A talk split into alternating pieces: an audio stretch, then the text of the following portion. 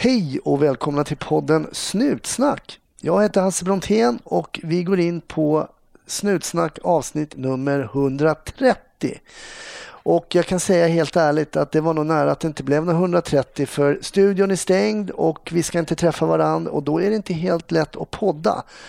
Jag har, alltså teknikens fiende nummer ett, lyckats att nu banda ett avsnitt via telefon och koppla in det till min poddutrustning.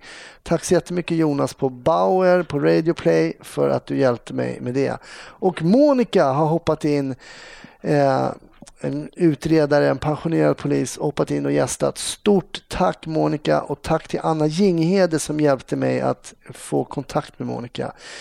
Det här är som sagt första via länk så är ljudet eh, inte hundraprocentigt så ber jag tusen gånger om ursäkt för det men jag tänker att det är i alla fall härligt att vi inte bryter kedjan på 130 veckor utan paus. Tyvärr så har ju livepodden varit tvungen att inte ställas in utan skjutas fram. Info finns ju på Facebook-sidan såklart men Snutsnack finns ju även på Instagram så kom gärna och besök oss där.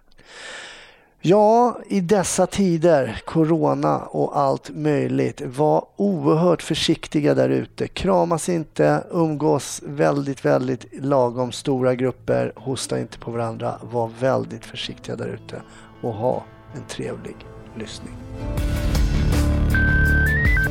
1310 1070 kom. 1310 Odengatan kom. Ja, det är uppfattat. Vi tar det. Slut. Bra. Klart slut. Varmt välkommen till Snutsnack Monica. Tack så mycket. Ja, det ska jag säga stort tack till dig för du har ju hoppat in som poliser brukar göra ibland sådär precis eh, och kört blåljus nästan.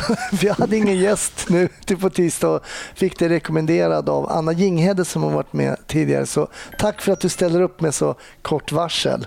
Ja, vi får väl hoppas att jag kan ha någonting att berätta då. Säkert. Nu vet jag om, eftersom vi har pratat lite tidigare, att du är pensionerad polis. Ja, det stämmer. Det är ja, ungefär två och ett halvt år sedan jag slutade jobba. Hur känns det då? Alltså, det känns faktiskt väldigt bra. Jag har rätt så mycket att göra ändå. det är så?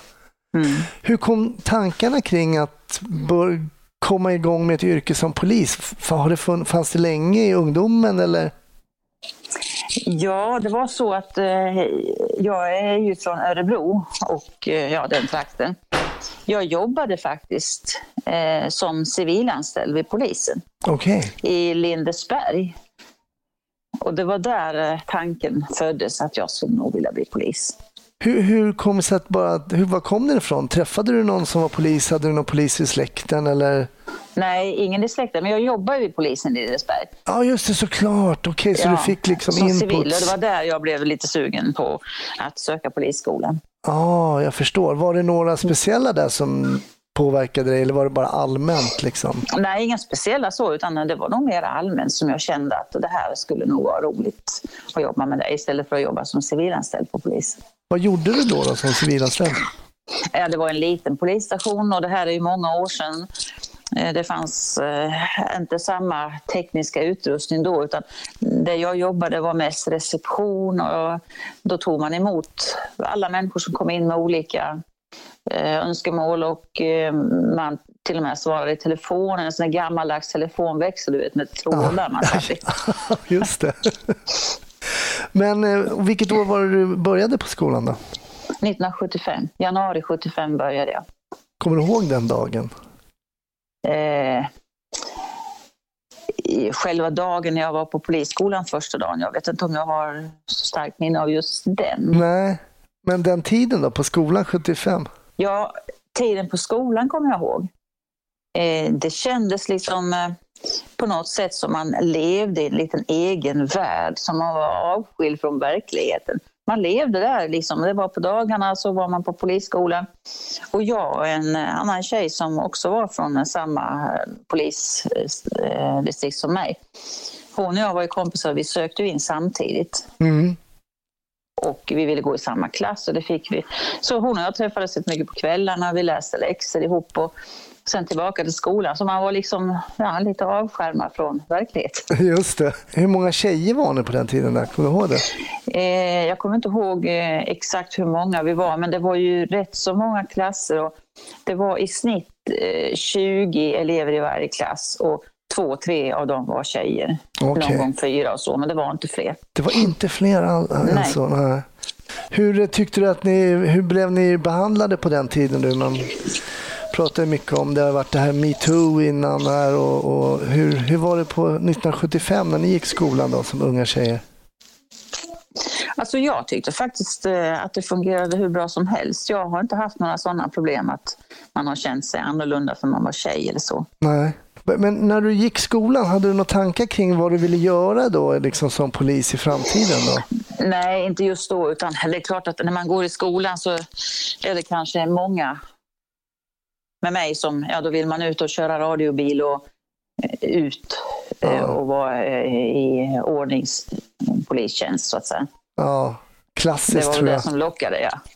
Ja, det var nog samma känsla för mig när jag gick skolan. Men då måste du ha gått på Sörentorp då? Eller? Ja, det, var, det fanns bara på Södertorp då. Precis ja. ja. Hur, var- hur, hur betraktade du utbildningen som sådan, att bli polis på den tiden? Hur skulle du säga att den var? Kände du, kände du dig redo när du kom ut? Liksom, att du var liksom... Alltså, när man kom, jag vet inte vilket år du gick, men 75 då var det så att då fick man ju först göra sin eh, teori ja, på Sörentorp eller Ulriksdal där. Och eh, då var det en massa praktiska övningar och sånt. Men sen var det ju två års praktik Mm. ute innan man blev färdig polis. Och det första året man gjorde praktiken, det var ju så att säga på olika rotlar på kriminalavdelningen. Just det. Nej, jag gick 88, så det är ju 13 år Mm. efter. Och då var det något liknande. Vi gick något som heter grundkurs 1 och sen gick vi på praktik och sen gick vi grundkurs 2. Ja, just det. Nej, vi, vi gjorde dem det första året på Ulriksdal Mm. och sen så de två åren praktik sen så var vi färdiga. Och vad hände sen när du var färdig då? Vad, vad jobbade du med då?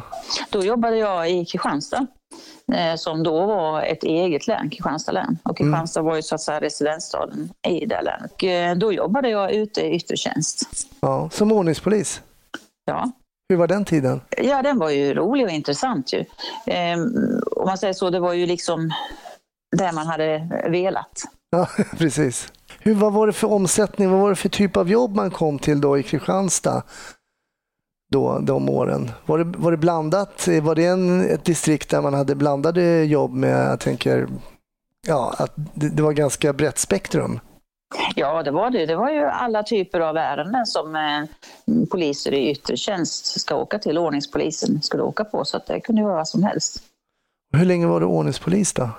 Ja, jag var nog det en eh, sju, åtta år skulle jag tro. Jag, jag kommer inte riktigt ihåg. Nej. Men okej, du ser, åren går och man glömmer hur många... Ja, ja. Men sen så måste du då i alla fall ha flyttat till någon annan enhet då om du lämnade ordningen? ja sen, sen eh, alltså det var ju lite så att på den tiden, då fick alla tjänsterna då fick man dem i turordning, alltså äldst i tjänst och så vidare. Just Då var det inte frågan om någon var kompetent eller inte. Utan, Det är ju ja, märkligt du att det du var så. var äldst i tjänst, så nu är det din tur. Och, Okej, så att du väntade på någon tjänst då eller? Nej, men sen var det så att de som var yngst i tjänst, de blev ibland kommenderade till olika, som vi kallar då arbetsgrupper, runt omkring Kristianstad. Och jag kommer ihåg att det var lite sånt på gång då. Och jag var inte så gammal i tjänst just då, tror jag. Nej. Eller jag tillhör de yngre där i alla fall. Och då, och då kommer jag ihåg att då ville jag söka mig till något annat och göra något annat istället. Och då eh, sökte jag faktiskt, hör och häpna, till trafikavdelningen, länstrafikgruppen. Okej. Vad var det som fick dig att tänka Ja, det trafiken? fanns lediga tjänster just där och jag tänkte att det här kan vara roligt att testa på och se vad det var.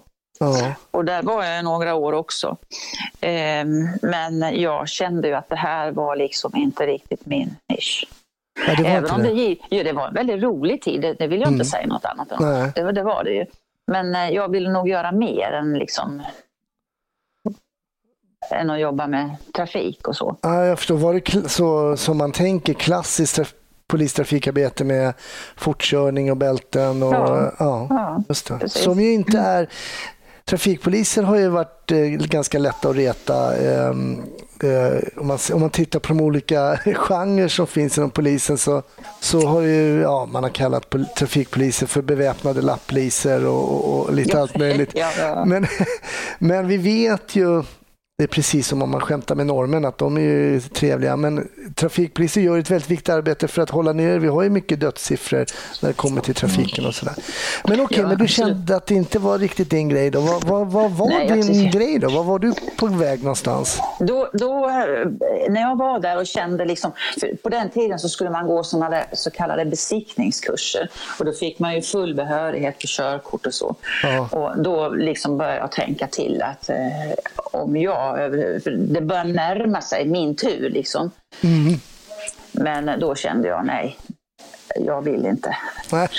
Och då var det så att man på kriminalavdelningen i Kristianstad skulle starta någon, några grupper eh, som leddes av andra erfarna kriminalpoliser. Eh, det fanns så mycket ärenden i balanser och då skulle vi jobba av balanser. Och då sökte jag dit till kriminalavdelningen. Och balans då för den som inte jobbar som polis, det är helt enkelt det som ligger i hög och väntar. Exakt. Ja. Vad, vad var det för ärenden då, då som skulle betas av? Eh, Ja, det var alla möjliga. Det klart, det var inga grova brott, det var det inte. Utan det var olika typer. Det kunde vara misshandel, det kunde vara bedrägerier och det var blandat. Men då går ju du in på en, en, en stig som skiljer sig kan man säga ändå ganska mycket från trafikpolisarbete. För när man pratar, även om man pratar misshandel och sånt så kommer man in på kanske lite mer man tänker förhörsbiten är ju oftast kanske lite mer avancerad än att fråga om du erkänner eller förnekar om du har kört för fort eller sådär. Eh, Även om det kan finnas, självklart finnas utredningar hos trafikpolisen också som kan vara hyfsat avancerade. Men om vi generaliserar lite så krävs det kanske oftast lite mindre typer av förhör där. Visst, för det blev ändå en förändring i, i arbetet på något sätt. Det är klart att det är en jättestor förändring. Det är ju en annan typ av eh, eh, människor man har att göra med. Mm. Kände du den förändringen att, den blev, att det, du gick in på någonting nytt där? Ja, det kände jag absolut. Och det lockade mig. Och Mm. jag kommer ihåg i vår grupp, vi jobbade av jättemycket av de här balanserna ganska fort. Därför att vi fick ganska fria händer av den som ledde vårt arbete. Att vi fick själv, vi hade ett visst antal timmar vi skulle jobba per vecka och vi fick lägga vårt schema som vi ville. Mm. Och det passar ju jättebra, för ibland vill man jobba kvällen. Det var ju lättare att hitta folk då ju. Just det. Och nej, detta var jättelyckat blev det. Och eh, själv kände jag att jag var faktiskt väldigt lockad av just kriminalpolisarbete.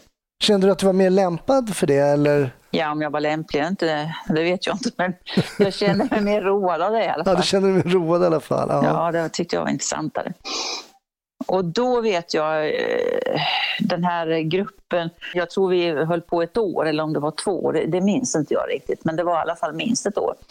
Och när den började närma sig slutet, då blev jag tillfrågad om jag ville hjälpa till med något ärende på en eh, annan rotel som det hette då. Det, det fanns ju, idag heter det inte rotlar utan det var till exempel en våldsrotel och stöldrotel och så vidare. Och så vidare. Just det. Vad var det för rotel då? Det var våldsroteln. Men våldsroten, det känns ju som en rotel som eh, många vill till, alltså vill till om man jobbar med utredningar och tycker till exempel sånt är, är spännande. Hur, hur, hur, hur ställde du till den förfrågan? Det tyckte jag lät väldigt, väldigt intressant därför att jag blev tillfrågad då om jag ville hjälpa till med ett ärende som eh, handlade om eh, ett eh, sexualbrott mot en tonårsflicka.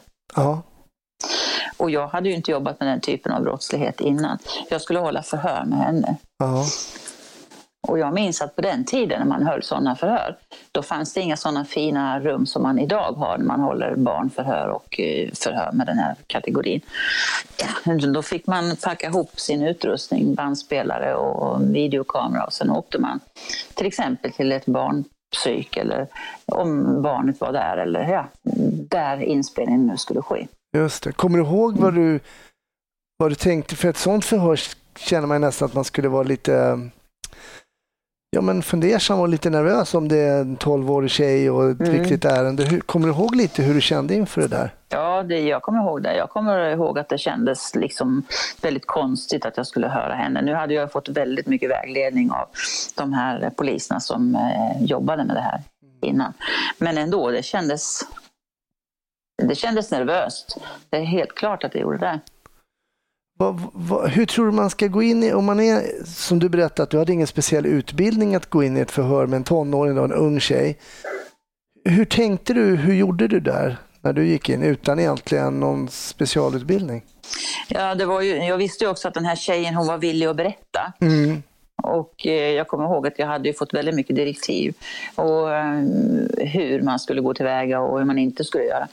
Och det var ju att låta henne berätta eh, sin version så att säga. Det var ju kanske så jag jobbade mest på på den tiden. Sen mm, fick man ju ställa kompletterande frågor och så. Och det, det här är ju många år sedan såklart, men, Ja, men du fortsatte på den här roten? Ja, eh, det gjorde jag faktiskt. Och eh, när den här gruppen så att säga, som jag sökte till den gången, när vi var helt klara, då fick jag en tjänst och stannade kvar på just eh, våldsroten. Mm. Och då kom jag att jobba med just den här typen av brott. Det var mycket mot barn och tonåringar. Och Ja, det var väldigt intressant tyckte jag. Och då gick jag olika utbildningar som fanns då för att lära mig mer. Hade du själv barn på den här tiden? Ja, det hade jag. Tyckte du att du reagerade när du utredde brott mot barn och själv var mamma? Liksom? Jag tror jag har varit ganska bra på att koppla bort eh, mitt privatliv. Det, det har jag nog varit. Och jag minns en kollega som sa till mig, hur kan du jobba med den typen av brott? Jag skulle bli så förbannad på de här gärningsmännen. Men alltså, mitt mål med de här eh, utredningarna, det var ju att eh, få den här personen att berätta hur det hade gått till. Mm. Och då kan ju inte jag bli förbannad på de här. Nej. För då skulle inte jag komma någonstans i det här eh, jobbet. Utan då hade det liksom blivit kalla handen. Utan mitt mål var ju att försöka förstå hur den här personen har agerat. Och varför man har agerat på det sättet. Så du menar alltså att det fungerar inte som i film då, att man blir arg och trycker upp någon mot en vägg och säger skarpt sådär, nu berättar du. Det kanske fungerar ibland, men eh, överlag så tror jag nog inte att det fungerar. Inte i de här ärendena i alla fall. Nej, precis, precis. Nej, jag förstår. Så du menar att du kunde, du hade förmågan liksom att, att lägga undan det här um, kanske privata sidan som lättare då kanske kan bli upprörd om man på något sätt eh, till exempel eh, tänker tanken att det här brottsoffret skulle kunna vara min son eller min dotter eller sådär. Utan, Jag tänkte inte så. nej, du tänkte aldrig så? Nej, för att det är ju så att när man hade... Alltså jag måste säga också att när jag jobbade med det här, jag gick ju en hel del utbildningar och jag insåg ju själv vilka fel jag hade gjort i början och, och eh, lärde mig en hel del på de utbildningarna och Mm. givetvis genom erfarenhet, för jag höll ju på med det här i några år. Men eh, jag tänkte aldrig så, det kunde varit mitt barn. Eller tänk om det hade varit mitt barn, så Nej. tänkte jag aldrig. Och eh, när man då jobbar med ett sånt ärende så håller, på den tiden höll man ju förhör med målsägande, alltså den som har blivit utsatt för brottet Mm. först. Och sen med alla vittnen och eh, kringuppgifter och så. Och sen skulle man då höra den misstänkte, antingen som den var frihetsberövad eller inte. Eh, mitt mål med det här förhöret, det har hela tiden varit att försöka komma innanför skinnet på den här människan så att man kan liksom förstå varför människan har betett sig och reagerat som den har gjort. För först då tror jag att man får en människa att berätta. Det låter svårt. Alltså komma innanför skinnet på människor är ju... Det gör man ju inte på en halvtimme eller en timme. Det måste, det må, det måste krävas längre tid än, än så väl? Ja, det är klart. Det, det tog ju lång tid.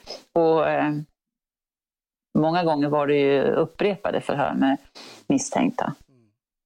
Men jag, jag menar ju på det också att om man får en misstänkt att eh, förneka, desto mer man får den här misstänkta att förneka, desto svårare får man att ta tillbaka det här förnekandet. Okej. För det måste man göra för att komma tillbaka till liksom noll igen för att kunna hitta den andra vägen. Just det, okej. Men kan inte ibland ett förnekande hos en misstänkt också leda en, leda en utredning framåt? Jag tänker ibland när en del nekar så, blir det nästan bara ännu mer, alltså leder ännu mer mot sanningen för rätten till exempel. Om det är så obvious, om det finns bevisning som, som visar en annan bevisning än just bara förhör. Liksom. Jo, det gör det givetvis. Men om jag tänker på just den här typen av brott Mm. som handlar om eh, övergrepp mot barn och eh, unga. Då är det ju oftast, det finns så sällan vittnen eller någon annan bevisning. Utan Nej. ofta är det bara ord mot ord. Just det. Så där är det lite ett annat läge. Så där är det av vikt att komma kanske när att målsägarens och gärnings eller den misstänkes, misstänktes versioner stämmer så kommer man så att säga närmare den totala sanningen då på något sätt, eller? Ja, det bästa är ju om den misstänkte berättar vad som har hänt. Jag minns ju, jag hade ett ärende med eh, en tonårsflicka. Det här var ju efter ett antal år när jag hade jobbat. Eh, innan jag berättar det så måste jag berätta om ett ärende jag hade med en man som också hade gjort sig skyldig till övergrepp på ett antal flickor. Eh, han hade tagit med dem i en bil och lock, liksom lockat dem med godis och ja, låtit dem onanera till honom och så vidare. Mm. Och de här flickorna de hörde jag var för sig och de kände ju inte varandra så att jag hade ju väldigt bra berättelser på video då av de här flickorna som var i åldern 10 till 12 år. Det var ju några stycken. Och när jag skulle höra den här personen, det här var i början när jag höll på att jobba med den här typen av brott. Mm. Den här mannen han blev kallad till förhör. Därför att eh, på den tiden var det lite annorlunda med bestämmelser på avstånd och så. Eh, åklagaren ville inte frihetsberöva honom och min tanke var att jag skulle åka till en annan polisstation för att höra den här mannen. Men han ville absolut inte åka till polisstationen i sin hemort utan han körde många mil istället för att komma till Kristianstad. Okej. Mm. Han vill inte ses på polisstationen. Nej. Och där kommer in en välklädd, proper man med eh, portfölj och eh, liksom motsatsen till vad man kanske kan tänka sig. En brottsling eller en person som gör sådana saker. Men han kom in och vi började förhöret och han förnekar givetvis allting från början. Men eh, jag kom ju så långt så att han berättade att han har varit på den här orten och plockat upp flickor och de har åkt tur med honom, han har bjudit dem på godis men absolut ingenting mer. Och då gjorde jag ju ett stort fel som jag inte förstod då. Då började jag anklaga honom för vad de här olika saker vad de här flickorna hade berättat. Ja, Men i och med att jag håller på med de här anklagelserna han gör ju ingenting annat än att bara försöka försvara sig från mina anklagelser. Vi kom aldrig vidare i något samtal. Ah, Okej, jag förstår. Och han erkände ju aldrig resten. Men nu hade vi ju så många förhör med olika flickor så han dömdes ju ändå. Okej. Och hur hade du gjort som en lite mer erfaren eh, förhörsledare i det läget? Och vad lärde du dig av just det här? Just det här med att bara anklaga, anklaga. Det får ju bara motparten att försöka försvara sig. Just det. Eh, samtalet kommer inte vidare. Det, det blir ingen process i samtalet. Alltså det stannar upp på något sätt. Och sen lärde jag mig eh, det och givetvis mycket annat också. Mm. Och utbildningar och erfarenheter. Just den här tonårsflickan jag skulle berätta om. Hon hade berättat vad som hade hänt. Hon bodde i en fosterfamilj Mm. och, eh, på en ort i Skåne. Och, eh, eh, hon berättade att den här pappan hade utnyttjat henne i ungefär vad var det, 8-10 år. Jag kommer Oj. inte ihåg exakt. Hon var ju nästan myndig, inte riktigt. Oj. Och när hon hade berättat det här så får man, ja, man får ju ofta en känsla om en person ljuger eller talar sanning. Nu kan man ju inte alltid gå på känsla, men jag hade en känsla av att hon talar sanning. Pappan, eller vad säger jag, fosterfadern hämtades ju in då till förhör. Jag började höra honom. Men han hinner ju inte mer än in på mitt rum förrän han säger att äh, hon bara ljuger. Till saken här att hon hade två små systrar som också var placerade i samma familj. Okej. Och jag hade inte ens talat om vilken av barnen det handlade om. Nej, just det. Och kanske inte ens då, som du sa innan då, anklagat honom för någonting egentligen? Du hade inte hunnit... Nej, jag hade inte hunnit det. Nej, jag hade- förstår. På den tiden hade man vanliga såna stora bandspelare. Ja, Jag, sa- jag satte ju på den här och sen så delgav jag honom misstanke. Jag kände ju då, då hade jag lärt mig mer, då kände jag liksom att eh, om jag skulle börja anklaga honom igen, då skulle han bara liksom bara skydda sig. Så vi pratade mycket om relationen med de här barnen och ja, hur det hade varit och allt möjligt sånt där. Och det höll vi på i några timmar. okej. Det är ungefär som att närma sig pudelns kärna om man säger så. Man Ja. går runt, runt, runt. Till slut har man kommit så långt så att det finns ingen väg ut. Just det. En helt annan approach helt enkelt då. Helt, helt och hållet ju. Och vi pratar knappt om brottet utan eh, om, eh, om deras relation och så. Men det slutar ju med, efter, inte första förhöret, det var några förhör, men det slutar med att han erkände alltihopa. Han gjorde det. Ja. Omtyckt så att säga, men det är ju inte fel om den som man förhör, den misstänkte, får någon form av förtroende för dig som förhörsledare. Att du kanske inte är i den här situationen som vi pratade om innan, att han märker att om du hade gjort det här mot min dotter, att till exempel ha den, de taggarna utåt och sådär. För det, det är ju viktigt att få det här att man kan studsa och prata om kanske saker som inte har med brottet att göra och få det här. På något Mm. förstår du vad jag menar? Att, den här, Mm. eh, att det blir någon form av respekt ändå för... Att man ändå respekterar den här människan, ja. För det är en hemsk handling han har gjort egentligen, den här människan. Precis. Men jag har ju försökt förstå varför han gjorde det här. Och han berättar ju själv hur han och hans bror hade blivit utsatta när de var barn. Just det. Dessutom hade en, eh, den här brodern hade ju utsatt den andra systern också, berättade han. Så att det var ju liksom två flickor i samma familj som blev utnyttjade. Inte helt Nej, vanligt kanske att det går i, i cykler att man själv har blivit utsatt och, och sen blir förövare när man blir vuxen. precis. Skulle du säga att de utbildningarna du gick på den tiden gav dig eh, mer kött på benen som förhörsledare? Absolut. Och det var ju så på den tiden fanns det ju inte så mycket utbildning inom polisen utan det var ju olika privata företag som höll utbildningar. Okej. Och, och det, de utbildningarna som jag gick just när jag jobbade mot sexualbrott mot barn, de tyckte jag var väldigt bra förhörsutbildning då. Ja. Ja, spännande. Vi har haft en tidigare gäst, Peter, som berättade just om, och då var det sexualbrott mot väldigt, det var mot ett väldigt litet barn. Och den ena misstänkt blev ju dömd trots att brottet, han var inte med fysiskt utan det gjordes över Skype. Men han blev ändå dömd för våldtäkt den personen och det är också en ny lagstiftning som har kommit att man behöver inte vara där fysiskt. Det är också ett spännande avsnitt kring just det här med sexualbrott. Men hur länge, hur länge jobbade du just med sexualbrott då kring det? Jag jobbade ju ett antal år. Jag kommer inte ihåg hur många. Men när man har jobbat ett tag med det här eh, så kände jag att eh, jag började tröttna på att hålla de här målsägande förhören. För det är lite speciellt att hålla förhör med barn som är, eller ungdomar som är utsatta. Mm. Eh, de misstänkta tyckte jag var intressantare att hålla förhör med. Okej. Så jag Men- kände till slut att nej, jag orkar nog inte hålla på med det här längre. Men det är ju ett friskhetstecken när man faktiskt känner att man är klar med någonting.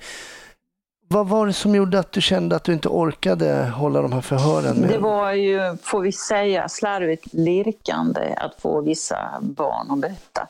Ja, Det är ju en vuxen människa som är utsatt för ett brott kommer ju ganska självmant till polisen och berättar vad som har hänt. Men här var det inte så. Ibland visste ju inte ens barnen att de knappt var hos polisen och så kom med dem eller någonting sånt. Det är ju så lätt att plantera in saker i barns eh, liksom, utsagor och man fick passa sig för det. Så därför kände jag liksom att nej, nu har jag nog eh, gjort mitt på det här området. Så att säga. Då antar jag att du hoppade vidare någonstans. Ja, då började jag jobba med våldsbrott, alltså grova våldsbrott. Det var våldtäkter och ja, den typen av brott, mord. Vi hade, på den tiden fanns något som heter regionala kriminalavdelningen. Eh, Det fanns inte länskrim då, utan man jobbade på en, i en region. Och där jobbade vi med den här typen av brott. Var du, kvar, var du kvar i Kristianstad då? Ja, då var jag kvar i Kristianstad. Det tyckte jag var väldigt intressant. Och sen har du varit krimmare tills du blev pensionär eller? Ja, det kan man säga. Sen, sen eh, gjorde jag faktiskt ett, en avstickare. Jag sökte till en ekorotel och jag gick ekoutbildning med och jobbade där några år. Men jag kände liksom att nej, de här våldsbrotten, det var det som... Det var det jag tyckte var min grej, så att Ja. säga. Så det blev det. Ja, sen jobbade jag i en grupp i Kristianstad som jobbade med olika våldsbrott. Spännande. Jag brukar alltid fråga min gäst, nu har ju du många, många år på nacken här från 75 eh, Ja. och framåt. Och är en av ja, fyra, fem gäster som är pensionerade poliser och det är alltid intressant att höra om tiden som har varit. Men jag brukar ju också fråga om ett ärende som liksom, nu har vi hört intressanta ärenden redan, men, men något ärende sådär som har stuckit ut för dig Monica. Vad, vad, vad skulle du tänka på då? Vad är det som poppar upp då? Alltså stuckit ut, det är klart att det finns många ärenden som har stuckit ut. Ja. Alltså, framförallt är det ju Helénmordet är ju en grej. Ju. Helen, just det. Ja, du var Det med och är ju- jobbade med det. Ja, det har ju klart... Det är väl kanske det som är mest speciellt med tanke på att det var så pass gammalt också. Att, man, att vi äntligen lyckades klara ut det. Just det. Och väldigt omskrivet också. Ja, det var det. Det var väldigt massmedialt. För det var väl så att man hittade den här flickan efter ett tag då? Ja, hon försvann ju påskveckan, jag tror måndag där, och sen hittades hon ett antal dagar senare. Mördad. Och hur, hur kom du in i den? Då, då fanns du på den roten som... Alltså det här begicks ju 89 och då var inte jag med och jobbade Nej. med det. Men eh, jag tror att någon gång i början på 90-talet, eh, jag minns inte exakt då, 91, 92 kanske, Mm. då vet jag att polisen i Eslöv, eh, då, eller det kan ha varit kanske till och med 90, då blev jag tillfrågad om jag ville hålla förhör med några av Helens kompisar. Därför då hade jag jobbat med barnförhör och sånt. Just Och, det. eh, det var första gången jag, men det var liksom bara de förhören jag skulle göra, det var inte mer. Okej. Så det gjorde jag. Och sen så nästa gång jag blev inblandad i det här, det var ju egentligen på 2000-talet. Ja. Vad hände då? Då var det så att i Kristianstad så hade vi vår chef Åke Åkesson som eh, av olika anledningar nu satt och läste in eh, Helenmordet. Det var ju så att eh, det var ju två län, Kristianstad och Malmöhus, när det här begicks. Och det var ju lite eh, olika konflikter som hade hänt däremellan och lite problem kanske, vem som ska hantera vad. Men han satt och läste in det här och eh, han fann att det var två stycken killar som var kusiner som blev väldigt intressanta. Okej. Och de här killarna eh, jobbade vi en del med då i vår grupp och det blev så att eh, de blev frihetsberövade och båda delgavs misstanke om mord på Helen. Mm. Jag hörde den ene killen och min kollega han hörde den andra. Men eh, det här, det här kändes inte rätt. Jag vet den ena han berättar ju faktiskt om eh, försök till olika övergrepp han hade gjort på flickor Ja. I det området där Helen bodde just vid den tiden. Men han hade inte rört Helen. Okej. Och det här visar sig, vi kom ju inte längre med det här. Och på den tiden så mm, fick man ju också så småningom fram DNA som hade fanns. Eh, Men man kunde inte köra fram någon profilat med. Det var olika tekniker. 89 och nu på 2000-talet. Men till slut så fann man i England, eh, tillverkade man, eller gjorde man ett program som kunde köra fram den här eh, DNA-profilen. Och under tiden vi hade de här eh, killarna häktade så lyckades man med det här. Och under den tiden som killarna var häktade så fick jag också av en kvinna ett tips som eh, jag förde in i den här utredningen just på Ulf Olsson som Mm. sedermera dömdes. Just det. Och det här DNA som vi nu fick fram, det visade sig att det stämde inte mot de här killarna. Så de friades ju från det här. Okej.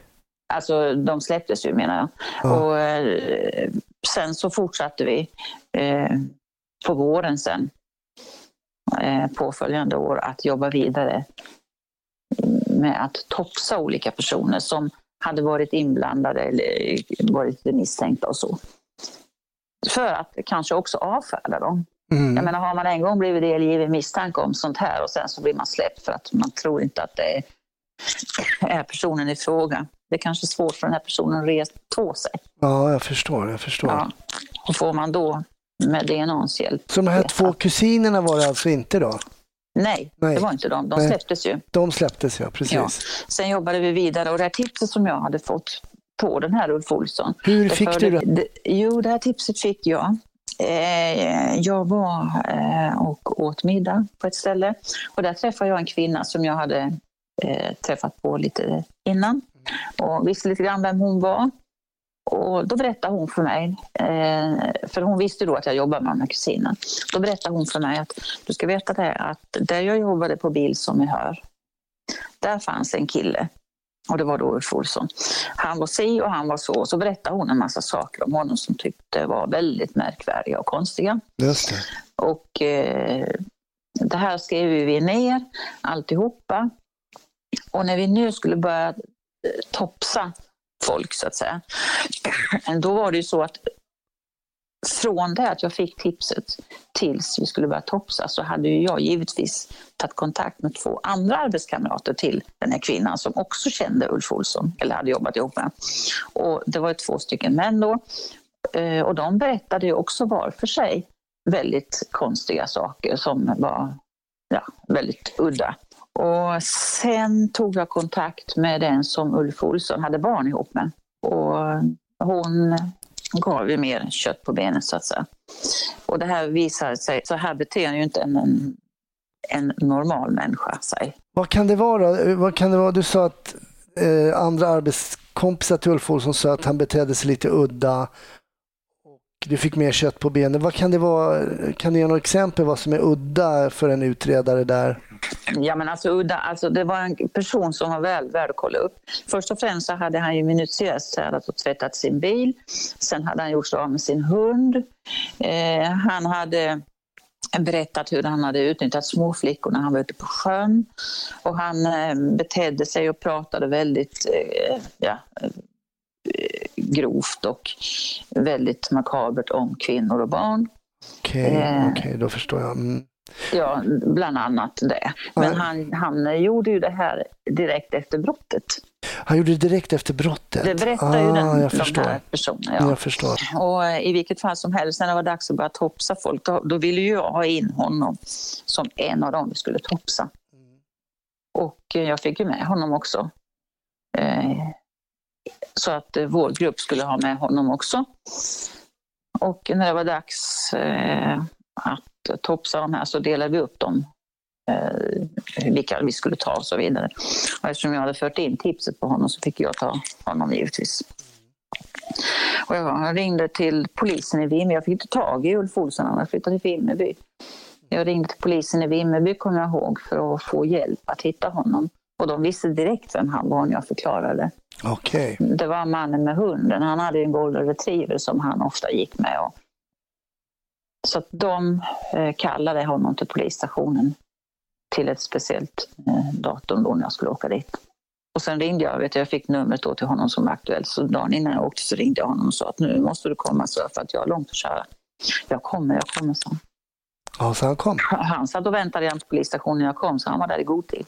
Okej, okej. Ja, så höll jag då ett förhör med honom upplysningsvis. Han var inte misstänkt då för någonting. Nej. Så berättade han lite grann om vad han gjorde. Han levde väl lite på socialhjälp. Han, eh, han var faktiskt en väldigt duktig, skicklig verktygsmakare sa man på hans tidigare jobb. Men han hade svårt att eh, kunna ta det här jobbet som han hade fått för han kunde inte få någon bostad när man inte hade jobb och så vidare. Så det var lite moment 22 för honom han. Och sen var han lite gråtmild och tyckte liksom det var jobbigt att han inte fick träffa sin son som han ville. Och Vad fick du för vibbar eh, det här första förhöret med honom? Ja, och sen i slutet av det här första förhöret då, så frågade jag honom då, för han visste ju varför jag var där. Det var ju för att jag jobbade med Helénmordet och han fick berätta vad han hade gjort och så vidare. Och sen på slutet så frågade jag om han ville lämna sitt DNA, om jag kunde få topsa honom. Och ja, sa han, jag har ju druckit några starköl, sa. Eller ett par starköl. Men det gjorde ju ingenting, så han, eh, han lämnade sitt DNA då, eller jag fick topsa honom. Och det är klart, och då tänker man så att det kanske inte, han kanske inte har något med det att göra. Jag menar så lättvindigt lämna sitt DNA. Nej, just det. Men vad ska man göra i en sån situation? Jag menar, om man säger så här, nej, jag vägrar. Jag vill inte lämna något DNA till dig. Jag är Nej, helt men oskyldig. alla de här som lämnade DNA, de gjorde det frivilligt ju. Ja. Och det är ju så här att eh, har man då varit misstänkt eller eh, kommit upp på den nivån, då får man jobba lite mer på det här och se om kan den här misstanken liksom bli starkare. För får man upp den på skälig misstankenivå så då kunde man ju topsa dem, eller ja, ta DNA oavsett om de vill eller inte. Just det. Så det går inte bara att säga så här, nej, jag vill inte.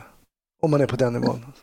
Nej, inte om man är på den nivån. Men, men det här var ju faktiskt inte på den nivån. Det var ju bara, han var inte skäligen misstänkt här. Nej, inte där nej. nej Men, var han, men då sa han att det var helt okej att bli topsad. Ja, det var det. Absolut. Och hur lång tid tog det att få någon form av resultat då kring den här topsningen? Det tog kanske ett par veckor. Jag hade ju flera jag topsade, precis som mina kollegor topsade olika. Ja, Jag kommer ihåg att Ulf, antingen var han sist eller näst sist. Och jag minns när eh, jag var hemma, när eh, Per-Åke Åkesson, som ledde den här gruppen, ringde till mig och så sa han att vi har fått träff. ja, Oj, liksom. Ja, det var en av dina, sa han då. Då menar han alltså de jag hade topsat. ja. Vem, vem tror du, sa han. Då gissade jag faktiskt på den andra som var sist eller näst sist. Okej, okej. Nej, det var Ulf Olsson, sa han. Så det kändes ju så himla skönt. Jag tror det var 15-16 år. Alltså, tänk efter så lång tid. Ja. Vi har pratat om det i podden tidigare. Faktiskt hur viktigt det är för anhöriga att få ett avslut. Ehm, trots att då den här tragiska händelsen med Helene, att hon var död och hade varit det i, i många år, så får man ändå ett avslut och man får en dom och man vet kanske lite mer. Eh, det är nog trots allt viktigt. Det, det är det absolut. Och jag minns ju vad Helens eh, mamma eh, och pappa, pappan var ju inte med i tingsrätten men mamman och, och syskonen var ju med. Mamman sa ju det att precis det du säger att det känns som ett avslut, man får se han på något sätt. Och de hade ju tydligen inte satt någon gravsten heller på hennes grav. Det, det hörde jag. Jag har själv inte sett det men jag hörde att det var för att de ville vänta tills gärningsmannen blev gripen. Ja. Ett sorgligt ärende men på något sätt, Mm. ett, det visar också, också många exempel på det i podden, att det här idoga, liksom lite nördiga, om man nu får säga det, och jag säger det med all respekt, att någon går igenom ett sånt gammalt ärende då, i alla fall relativt gammalt, läser och läser och läser och läser och hittar någonting där som man tycker att det här är någonting som vi inte liksom har gått till botten med. Och sen så lyfter man det och sen leder det ändå till slut till, till det här. Det, det, är ju, Mm. det är ju tacknämligt att inte alla som blir poliser vill eh, ta fortkörare eller vara piketpoliser, utan att man vill gå runt i Birkenstock och, och vara lite petig i utredningar och sådär. Mm. Även om alla behövs på sin plats, så visst, visst är det så. Ja. Men, men jag tycker också det är viktigt att man tar tillvara all information man har. Och man får ju ibland mängder av information och tips och det är så svårt för att ett tips kan man ju inte avfärda. Eller Nej. kan man inte kasta förrän det är helt avfärdat. Nej, just det, Det bara precis. hänger i luften. Man vet inte om det är superhett eller om det bara är trams. Nej, det vet man inte alla gånger. Ibland vet man, kanske. Ja, ja, ja, ja. Ibland Vet man. Alltså, tack Monica för eh, eh, i och för sig en ganska brief men väldigt intressant inblick i, eh, i dels Helenmordet men också i din eh, polisiära Mm. karriär. Så vi har studsat i och för sig lite snabbt här på 45 minuter. Och Mm. stort tack att du vill hoppa in. Men jag ska inte släppa dig riktigt än. Eh, jag kollade nu på två första avsnitten av Bäckström. Har du sett det? Nej. Eh, Okej, jag ska inte avslöja någonting, men eh, har du läst någonting just kring den här karaktären Bäckström Mm. av GV? Jag gillar ju Ja. Bäckström, så jag tycker GV är väldigt duktig på att hitta den här eh, ganska otrevliga, eh, lite översittartypen som då är Bäckström. Och jag tycker Kjelle Bergqvist är Kjelle Bergqvist, han gör det jättebra men mm, jag har lite synpunkter. Vad tycker du om eh, sve- svenska polisserier? Det går inte till så i verkligheten som det gör i polisserier. Det Nej. gör det absolut inte. Nej. Men eh, Kan du titta på det efter alla år eh, Ja. ja, och ändå liksom kunna se det som liksom drama och underhållning? ja, det kan jag göra. Det kan jag göra. Men ibland så känner man, men herregud, så där skulle man aldrig kunna ha gjort i verkligheten. Nej. Ju. Om du skulle tipsa om någonting i polisiär väg i rent underhållningssyfte, eh, alltså serie eller film eller någonting, vad, vad skulle du tipsa om då? Ja, då skulle jag tipsa om serien Innan vi dör. Den tyckte jag var bra. Ja, och den tror jag gick på SVT, va? Den finns på SVT Play kanske? Ja, det kanske den gör. Det vet jag faktiskt inte. Ja, men innan vi dör blir bra i alla fall.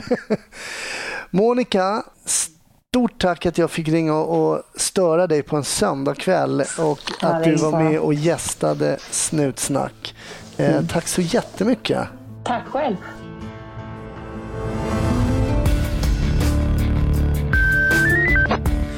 Stort tack. Avsnitt 130 av Snutsnack är över och jag bugar och bockar för att du har lyssnat. Det är endast en vecka fram till nästa avsnitt och jag hoppas att du lyssnar även då. Smit in på Facebook eller på Instagram. Följ oss där. Ha en fantastisk vecka. Stay safe. Hej då.